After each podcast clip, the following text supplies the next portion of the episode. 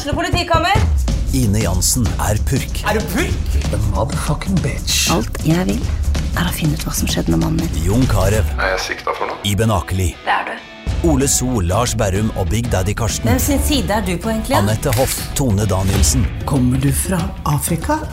Jørnis Josef, Nesten. Kløfta. Trond Espen Seim, Det er synd å si det, men det var feil mann som døde. Purk. Premiere tirsdag på TV2 Play.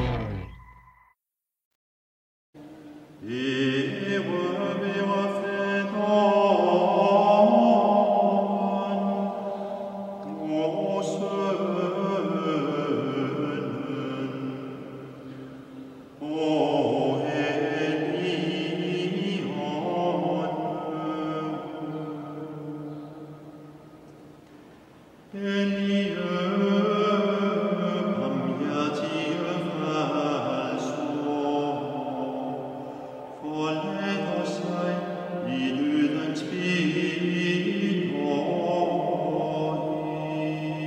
og hjertelig velkommen til andre episode av TVs historiepod. Og velkommen tilbake, Cecilia Gustavsen. Tusen takk, Knut Erik. Du er konservator ved Slottsfjellmuseet, og i forrige episode da fortalte du oss om vikingtiden. Nå er vi framme i middelalderen, og det var derfor vi startet med litt gregoriansk musikk. Ja, det er vel den sangen man hørte aller mest av i middelalderen. Etter kristendommen ble innført, så ble det sunget gregoriansk sang i kirker og klostre. Og gregoriansk, det, hva kommer det ordet fra? Det Kom vel av pave Gregor. Ja, det er alltid en pave et eller annet sted bak der. Ja.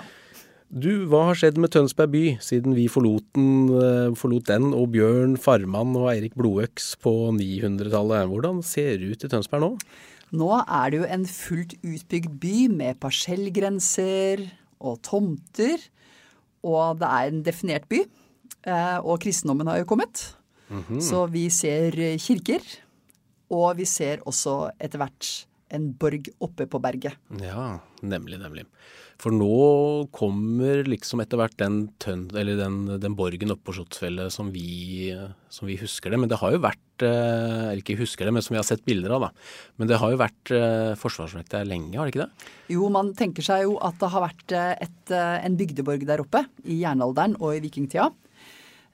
Og i Sverresaga så skrives det jo når Sverre beleirer berget og baglerne i 1201-1202, så står det at det var trepalisader der oppe og tretårn, som tyder på at det jo var et forsvarsverk før borgen ble bygd ut i stein av Håkon Håkonsson. For der sa dere Håkon Håkonsson, han er mannen som eh, bygde Slottsfjellet. Hvem, hvem er dette? Håkon Håkonsson er jo barnebarnet til kong Sverre, faktisk. Og han er birkebeinerkonge, og han er også den som etter hvert får slutt på den omfattende borgerkrigsperioden i Norge. Så Håkon Håkonsson er den første kongen i Norge som har utdannelse. Når han vokste opp, så fikk han lov til å gå på skole, latinskolene, i eh, Trondheim og Bergen. For han vokste jo opp i de birkebeinerstyrte delene av landet. Ja. Eh, Så han var en utdanna mann, og han ønska å gjøre Norge til et imperium og til en stormakt som var på lik linje med europeiske stormakter. Da. Og da var jo borgbygging et ledd i det. Det var et ledd i å konsolidere Norge, liksom. At, de fikk, eh, at riksborgene fikk fest, feste. Ja. Og så var det å, å samle, samle Norge. Og litt akkurat på det, så, um, som du sa her eh, før vi starta, det er jo et maleri av Håkon Håkonsson som er ganske kjent. Ja, det er veldig kjent. Eh, og det viser jo at han blir frakta av de to skiløperne. Ja, ja, ja. For han var jo født i borgerkrigsperioden i et område som var baglerstyrt, altså i Østfold. Så når det ble født en kongssønn, så ville man jo gjerne ta livet av den her kongssønnen, Birkebeinerkongssønnen. Så da rømte de med han opp til Trøndelag, som var Birkebeinerstyrt. Og så vokste han opp der, Så den, og i Bergen. det lille mennesket som lå i bylten, skulle altså bygge ut uh, Tøns, Tunsberg hus etter hvert. Ja, det faktisk. Ja, Mm. det var morsomt. Ja. Og, men også grunnen da, til at han eh, bygde disse borgene, det Ja. var jo fordi eh, som konge så var det sånn, ikke sant, at der han var, det var hovedstaden i landet. Ja, det stemmer. Eh, hovedstaden var ikke Oslo sånn som den er nå, men hovedstaden var der hvor kongen til enhver tid befant seg. Så han hadde jo en sånn Kongene har jo alltid reist veldig mye rundt i, i landet for å holde styr på folk og hird. Og da måtte de jo eh, underholde kongen, da. Ja. Der kommer kongen, Ja. og fram med mat på bordet og alle alt. hans menn, og det var ikke bare bare. Nei, det var ikke alltid like populært. Nei, det tror jeg kanskje ikke. Så borgbygginga er jo noe han hadde sett i Europa. Mm. Det var veldig i tiden å bygge borg. Eh, Og det ble jo hans eh, administrasjonssenter for området rundt etter hvert. Mm. Og da, når han satt på borgen i Tønsberg, så krevde han inn skatter og avgifter og holdt styr på militærvesenet i området. Og Mm. ja, sørga for handel og planla krigstokter og Og Mm. Tønsberg var fortsatt en sånn handelsby, akkurat som vi hørte om kanskje i, vikingtiden. Ja, og den hadde jo sin glanstid på 1200-tallet. Mm. Den er jo veldig strategisk plassert. Det er lett å dra til Oslo, lett å dra innover i landet, det er lett å dra ut av landet. Så veldig fin plassering. Så der satt han, og så eh, fikk han etter hvert også en sønn. Vi skal komme litt innom han også, for han er kanskje enda sterkere knytta til eh, Slottsfjellet enn Håkon Håkonsson. Det var Magnus Lagabøte, Ja, det er Magnus Lagabøte, og han ble jo faktisk født på Slottsfjellet. så han er ekte tønsbergenser. Han er ekte tønsbergenser, men er dessverre begravd i Bergen. Og han er født på fjellet. Ja. Eh, Og Magnus Lagabøtes teglkastell er det jo han som fikk reist, i teglstein. Når var det det ble bygd omtrent, vet vi det? Det var vel bygd sånn på 1260-tallet, Ja. Tenker jeg. Og det var rundt da disse Da har vi 12, plassert dem 12, også. 70. Mm. Du, hvordan tror du det var å være ung kongesønn og vokse opp eh, på Slottsfjellet på den tida? Um, for det første så er det liksom ikke noe vi kan forestille oss, tror jeg. For de vokste jo opp bak lukkede murer. Så folk nede i byen, altså vanlige håndverkere, vanlige mennesker sånn som oss, de hadde ikke noe kjennskap til dem. Nei. Så når lille Magnus vokste opp, f.eks., så har jo han, han skulle jo lære å bli konge. Så han har jo helt sikkert fått opplæring i krigskunster, han har fått opplæring i språk, både latin og norsk, matematikk, geografi, samfunnsfag. Han har fått veldig god opplæring. Han måtte kjenne til alle slags helgenlegender, all, all slags politisk historie, eh, alt som rørte seg av sagn, av ja, historiefortelling, av eh, litteratur. Håkon Håkonsson sørga jo for å få oversatt eh, ridderlitteratur til norsk. Ja, Han han var en lærd mann, han. Ja, veldig lærd. Eh, Arthur-legendene, for eksempel. Ja. Ridderen av det runde bord har lille Magnus kjent til. Ja. Eh, han skulle jo bli konge. Han har sikkert vært med faren sin på reiser for å møte andre mektige personer. Så han har blitt oppdratt eh, ja, eh, strengt og for å bli konge, rett og slett.